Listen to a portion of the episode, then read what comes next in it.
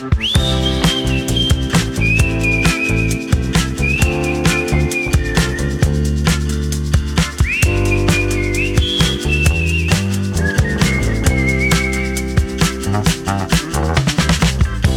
hola.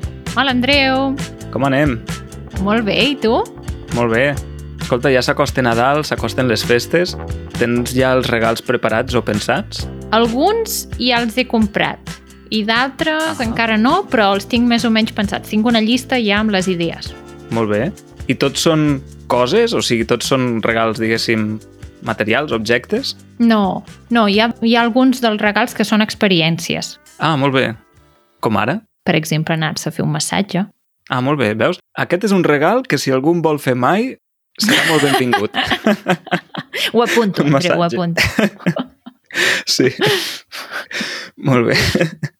doncs I tu? Jo, jo encara tinc regals per decidir i per comprar o fer, diguéssim, però en tinc alguns de preparats i aquest any també he volgut adoptar un enfocament una mica més experiencial, no sé si dir-ho així, o sigui, de, Mhm. de regalar experiències més que no pas objectes, no? Per això mateix, no? Perquè a vegades hi ha coses que ens agradaria fer, però que no trobem mai el moment i no, no ho acabem fent per iniciativa pròpia. En canvi, si ens ho regalen, potser és més fàcil, no? Anar-se a fer un massatge... Sí, però sobretot, si són experiències, intenteu determinar ja una data concreta, perquè de vegades regales experiències i com que Ja, no hi ha una data, és com que queda, queda, queda, queda, i si no hi ha una data límit, és Mhm. molt complicat, no? I, i de vegades és Mm. això, si, si regales anar a fer una excursió tots junts o anar a fer un dinar tots junts, doncs dir, mireu, serà el 19 de març, i tots, vinga, el 19 de març a aquest dinar, ja ho saps de, de, de fa temps. Sí, és veritat això, perquè buscar una data també és una cosa que fa mandra. Sí. Un altre tipus de regal que m'ha agradat fer és regalar subscripcions. Per exemple, subscripció a una revista. No? I tant. Aquest any hi ha hagut moltes subscripcions al Cavall Fort. Sí, és veritat. Arran d'una polèmica, perquè van, van prohibir, van censurar, van censurar aquesta revista en una biblioteca pública d'un municipi governat per l'extrema dreta, no? Mm. al País Valencià. I sí, arran d'això, doncs, aquesta revista Cavall Fort, que és una revista infantil, que jo l'havia llegit a la biblioteca de l'escola, suposo que tu també, o a Sí. casa, Mm. doncs, doncs sí, uh, hi ha hagut un repunt important de Mm. Jo vaig regalar una subscripció al Tatano, que és la versió encara Ah, més infantil del Cavall Mm. Fort, Mm. a la meua neboda. Ai, quina il·lusió, per favor. Sí, clar, i és bonic perquè llavors cada mes rep la revista, no? Per tant, és com Clar. un regal mensual. És molt millor encara. Sí. Clar. Sí, sí. Subscripcions també són benvingudes a casa meua.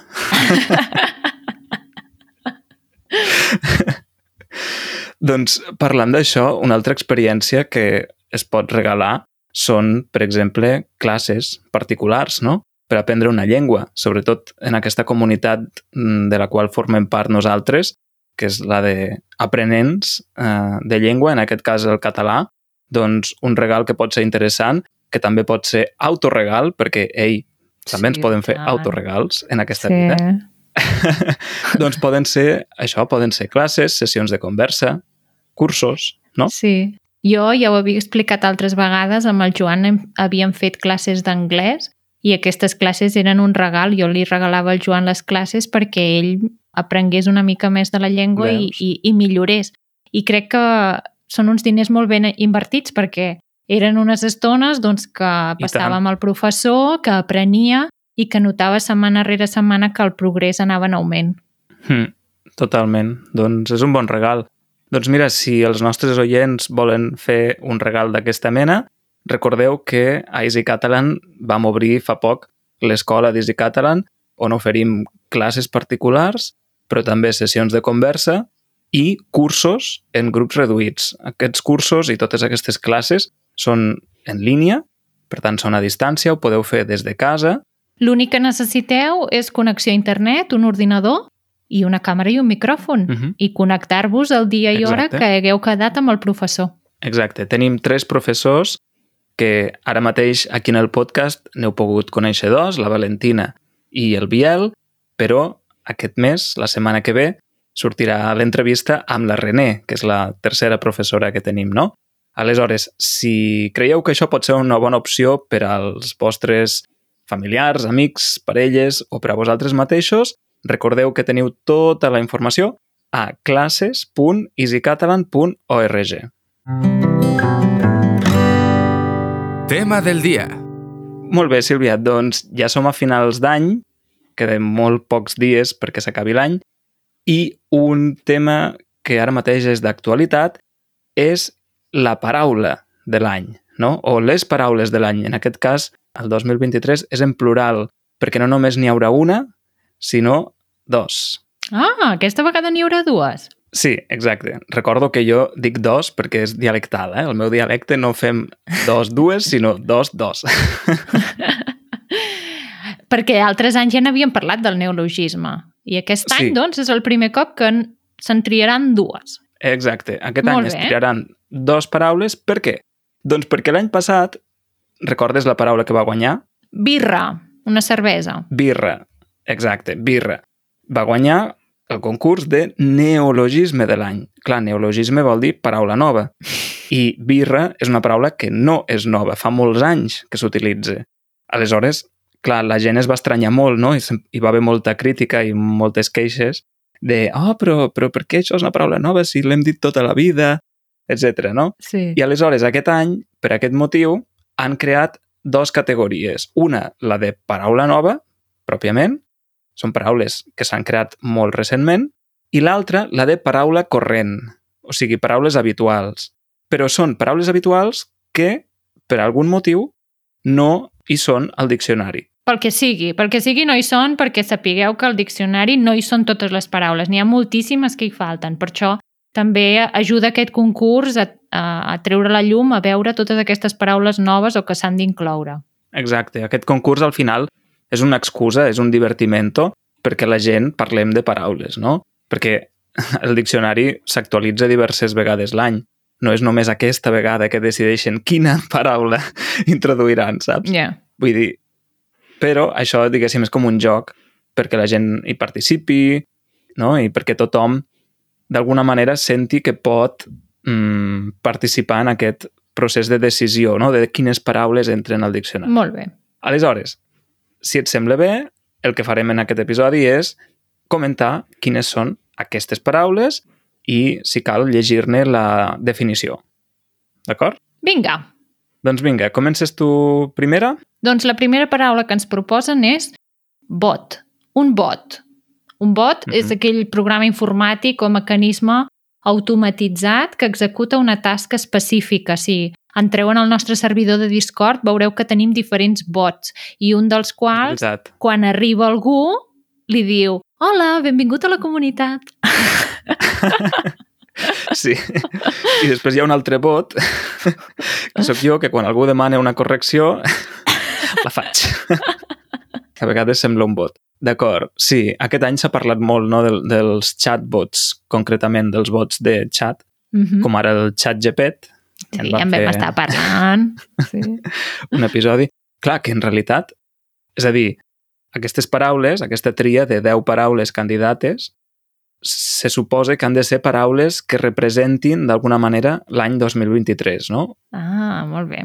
Aleshores, clar, bot jo crec que és un bon, un bon candidat, una bona sí. candidata com a paraula, perquè aquest sí. any ha sorgit el xat GPT, no? Se n'ha parlat moltíssim, sí, sí. Se n'ha parlat moltíssim, cada vegada hi ha més aplicacions sí. basades en això. Mm.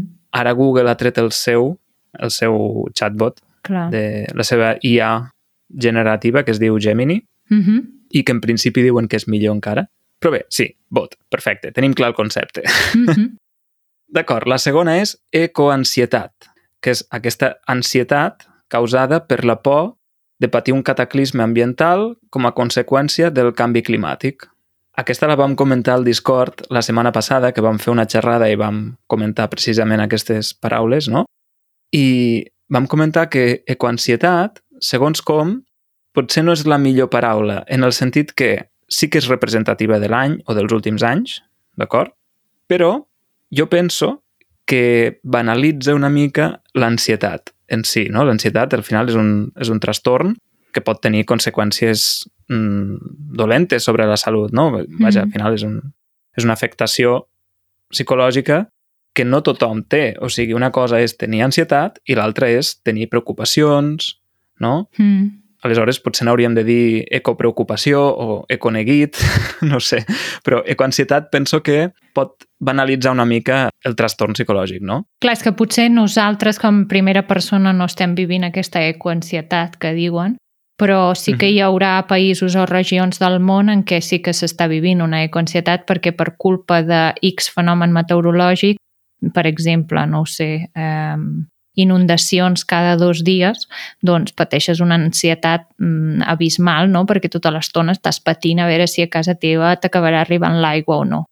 Llavors, potser sí que és una paraula de l'any, però no, no enfocada al, a la nostra terra. Clar, no, i fins i tot aquí potser sí que hi ha gent que té ansietat provocada per això, no? les preocupacions relacionades amb el canvi climàtic. Potser També sí, pot ser. però jo crec que en, ge en general, jo crec que ara és una preocupació social, no? Mm, Mm. és un tema que ens preocupa i que ens pot generar ansietat a alguns, però potser no tots, no? Mm. Yeah. Bé, en fi, consideracions diverses. Mm. D'acord, següent. La següent paraula és per designar una persona i és gasià o gasiana. És una persona Mm. de Gaza o de la franja de Gaza. I també pot servir com a adjectiu, o sigui, per dir que alguna cosa és de Gaza o de la franja de Gaza. Mm -hmm. Exacte. Molt representativa també del 2023 pel conflicte entre Israel i Palestina. I és un tema que surt cada dia a les notícies ara mateix, no? que se n'han fet Mhm. especials informatius, se n'ha fet un cobriment molt, molt extens d'aquest- d'aquesta guerra i, i que, per tant, són dues paraules que es poden sentir molt, molt sovint ara mateix en els mitjans de comunicació. Sí. El que jo no sé és si gasià és una paraula nova, és a dir, que potser no teníem en català el gentilici de Gaza i l'han creat ara, o és que sí que existia però no en el diccionari, saps? Mm, No ho sé. No sé. Bé, la següent paraula és grassofòbia. Grassofòbia, que és aquesta actitud hostil cap a persones grasses que les discrimina i estigmatitza. O sigui, és com el, el rebuig cap a les persones grasses. No sé si aquesta paraula l'han inclòs en la llista perquè fa poc es va morir l'actriu Itziar. Ah, Itziar Castro, és veritat. Aquesta actriu catalana. Sí, aquesta actriu era una, una defensora de les persones grasses, no? I que sempre allà on anava, en tots els programes, a tots els llocs on ella la convidaven, feia molta bandera de, de que es deixés ja de discriminar totes aquestes persones que, que no són eh, molt, molt prims. O sigui, que són Mhm. Sí, grassos que, o que no obesos. tenen cossos normatius. Sí, Mhm. sí. Sí. Ostres, doncs no sé si és per això, eh? perquè ha sigut molt... Va ser la setmana passada, no? Mm.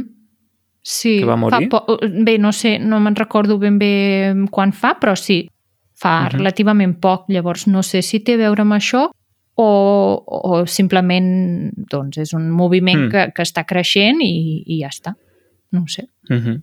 Bé, la següent paraula és hipersexualització i això significa una erotització forçada o precoç dels infants i especialment de les nenes amb l'objectiu de recrear una imatge adulta en un cos que encara no s'ha desenvolupat. Això ho veureu molt clarament en un exemple que ara us dic. Per exemple, si nosaltres agafem una disfressa d'una nena Mhm. petita, de 5 anys, perquè aquesta disfressa ha de tenir pits.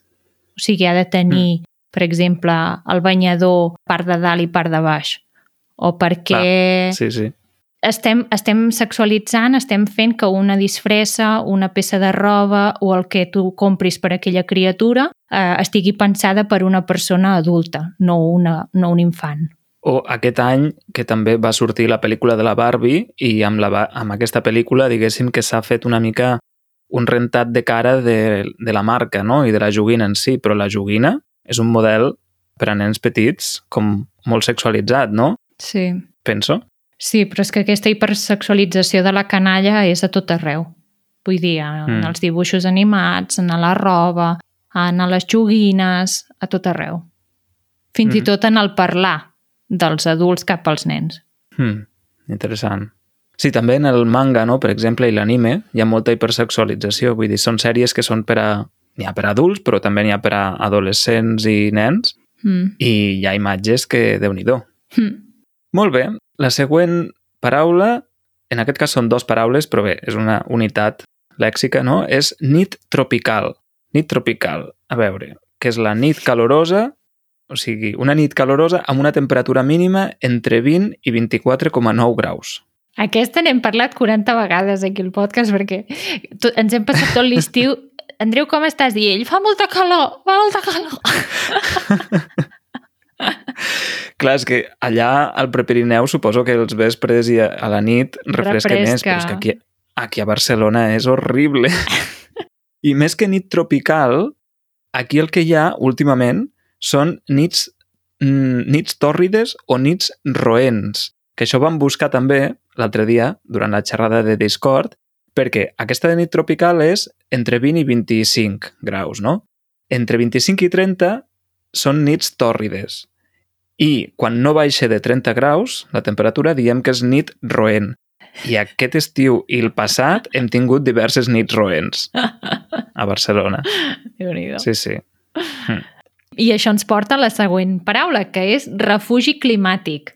I un refugi climàtic mm -hmm. és aquell espai, habitualment en un equipament públic o privat, que pot proporcionar condicions de confort tèrmic en episodis de temperatures extremes. Uh -huh. Ja ho hem explicat, no?, que si fa molta calor, doncs el que fas és que busques una biblioteca o algun espai públic que tenen l'aire condicionat i et poses uh -huh. allà fins que ha passat la calor i quan el sol ha baixat una mica ja pots sortir. Uh -huh.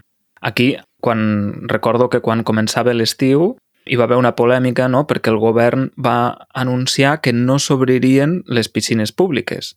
I aleshores hi va haver també altre cop molta polèmica i això, i van haver de fer-se enrere perquè van considerar que les piscines públiques també tenen una funció de refugi climàtic. Oh, i tant, hi ha molta gent que se'n va a la piscina a refrescar-se i estar-hi una estona per estar més fresquet. Però clar, hi havia aquest dilema, no?, perquè estem en aquesta situació de sequera, tenim, tenim una sequera molt important aquí, i aleshores calia restringir no, l'ús de l'aigua i van dir, doncs no obrirem les piscines públiques.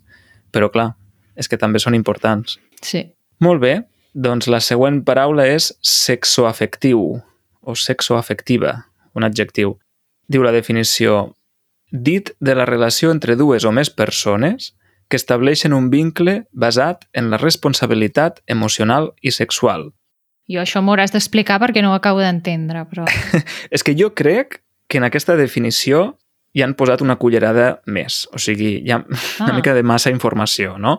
Perquè per mi, jo per sexoafectiu, una relació sexoafectiva, entenc que és aquella en la qual hi ha sentiments i hi ha relacions sexuals, no? Ho entenc. Sí, això, això és el que jo entenia, però la, la definició no, no l'acabo de veure clara. Sí, això de basat en la responsabilitat emocional i sexual ho trobo curiós, no? És que potser és una mica diferent del que pensem, o no? Potser sí, potser sí. Mm? Bé, doncs això, sexo afectiu. La següent és una paraula que també n'hem parlat moltes vegades aquí, que és la superilla. Una superilla mm. s'ha posat ara molt de moda a Barcelona i és això que és una unitat urbana més gran que una illa de cases, però més petita que un barri, amb carrers pacificats i que pretén estimular la mobilitat sostenible, la revitalització de l'espai públic, la cohesió social i la participació ciutadana, entre d'altres. En definitiva, què vol dir? Una sèrie de carrers que els tanquen, els tallen, no hi poden passar els vehicles amb motor o sigui, ni cotxes, ni motos, ni camions, i la gent pot caminar tranquil·lament per allà i, i ja està. I és això. Mm -hmm. Sí. O sigui, com has dit, és una cosa que és molt de Barcelona, no? Perquè a les altres ciutats, que jo sàpigui, de, de Catalunya, no hi ha superilles. No, no es diuen així. A Girona sí que hi ha un espai que hi ha com si diguéssim, una superilla, però no se n'ha dit mai d'aquesta manera, i és que en una sèrie de carrers doncs, no hi pot circular no hi pot circular cap vehicle. Però, clar, el nom Superilla és de Barcelona. Sí, Superilla, és com marca Barcelona, una mica. I els que teniu la imatge de Barcelona al cap, sabeu que hi ha aquest barri tan gran que es diu Eixample, no? en què tots els blocs de cases són quadrats i, per tant, són tot, els carrers són perpendiculars no? entre si, hi ha carrers horitzontals i verticals, diguem-ne. I, per tant, cada bloc de cases és una illa. No? En català en diem mm. illa de cases i, per mm. tant, una superilla és aquesta agrupació d'illes de cases en què els diferents carrers s'han pacificat, o sigui, s'han fet per a vianants. No? Potser hi poden passar alguns vehicles, però de manera molt limitada. O sigui, només vehicles de transport de mercaderies o dels veïns, no? I a una velocitat també molt baixa. Molt bé. I l'última paraula és viralitzar. Viralitzar que vol dir difondre continguts a través d'internet, especialment per mitjà de les xarxes socials, creant en poc temps un efecte propagador anàleg al del virus. Exacte, quan, quan un vídeo que, que pengem a les xarxes es fa viral, vol dir que l'ha vist moltíssima gent. Exacte. Jo crec que és un verb que s'utilitza moltíssim, sí. viralitzar, no? Mm. Perquè, sí, cada vegada hi ha més notícies que el titular és simplement tal vídeo que es fa viral o mm. no? coses Oh, i que es fan virals. Sí, sí. Molt bé, genial. Molt bé, doncs aquestes són les paraules noves i després hi ha l'altra categoria que són paraules corrents. Però, clar, no tenim temps de comentar-les totes. Malauradament, ja no es pot votar en aquesta votació perquè va tancar just ahir, ahir dia 20 de desembre, i avui ha sortit el resultat de la votació. Tu i jo, Sílvia, encara no el sabem perquè estem gravant aquest episodi una setmana abans, no? Ens haurem d'esperar. Sí, ens haurem d'esperar, ja ho comentarem en un episodi posterior, quina ha estat la paraula guanyadora, però, en qualsevol cas, us deixarem enllaços a les notes del programa, com sempre, per si voleu consultar aquestes 10 paraules que són de l'altra categoria, no? la categoria de paraules corrents, paraules que són molt habituals, però que per algun motiu no hi són al diccionari. Molt bé. Uh -huh. Molt bé, doncs dit això, Sílvia, a veure, tu quina paraula votaries com a paraula de l'any 2023 i per què? Doncs jo crec que de totes les que hem dit, votaria hipersexualització. D'acord? Perquè és un tema que, que ja porta cua, vull dir, ja fa molt temps que el portem arrossegant en la societat, que crec que és una cosa que s'ha de solucionar i que fer-ho visible. Més que solucionar, fer-ho visible, perquè en el moment en què ens donem compte d'una cosa que està passant i que, que la continuem fent és quan podem deixar de fer-la. Perquè fins que ningú ens diu, escolta, t'has plantejat mai per què li vas preguntant a tots a la canalla a veure si té nòvio, si té xicot, si té xicota? Mm. A tu et sembla normal preguntar això a una criatura de 4 anys? no? Mm, doncs potser en el moment en què ens plantegem coses d'aquestes és el moment en què podem capgirar la situació. Mm -hmm. Molt bé. Doncs tu que estàs a temps, Sílvia, vota pel, pel neologisme de l'any. Um, doncs jo no ho tinc clar encara, la veritat. No ho he decidit. Però um, la veritat és que no considero que jo tingui ecoansietat com a tal, però sí preocupació per la qüestió climàtica. O sigui, és una qüestió que em preocupa molt. Mm, per tant, potser optaria per refugi climàtic. Mm. Mira, molt bé. Sí. D'acord? Sí, perquè a més a més penso que, és a dir, amb el temps haurem d'anar creant més refugis climàtics d'aquesta mena. Seran cada vegada més necessaris i, per tant, sí, penso que és una, una bona paraula per entrar al diccionari. Hm. Perfecte. Molt bé, doncs, Sílvia, ara en el bonus et plantejaré una pregunta perquè em diguis quines són les paraules que per a tu defineixen millor l'any 2023 per a Easy Catalan. D'acord? Molt bé. Vinga, va. Així que, bé, ves pensant en la resposta. Jo, de moment, aniré donant els agraïments, com sempre, a totes les persones que ens han escoltat fins aquí, aquest episodi, tots els episodis i també als membres de la comunitat. Per últim també, moltes gràcies al Departament de Cultura de la Generalitat de Catalunya. Així que, Moltíssimes gràcies a tothom. vinga, que vagi molt bé. Adeu, adeu. Adeu.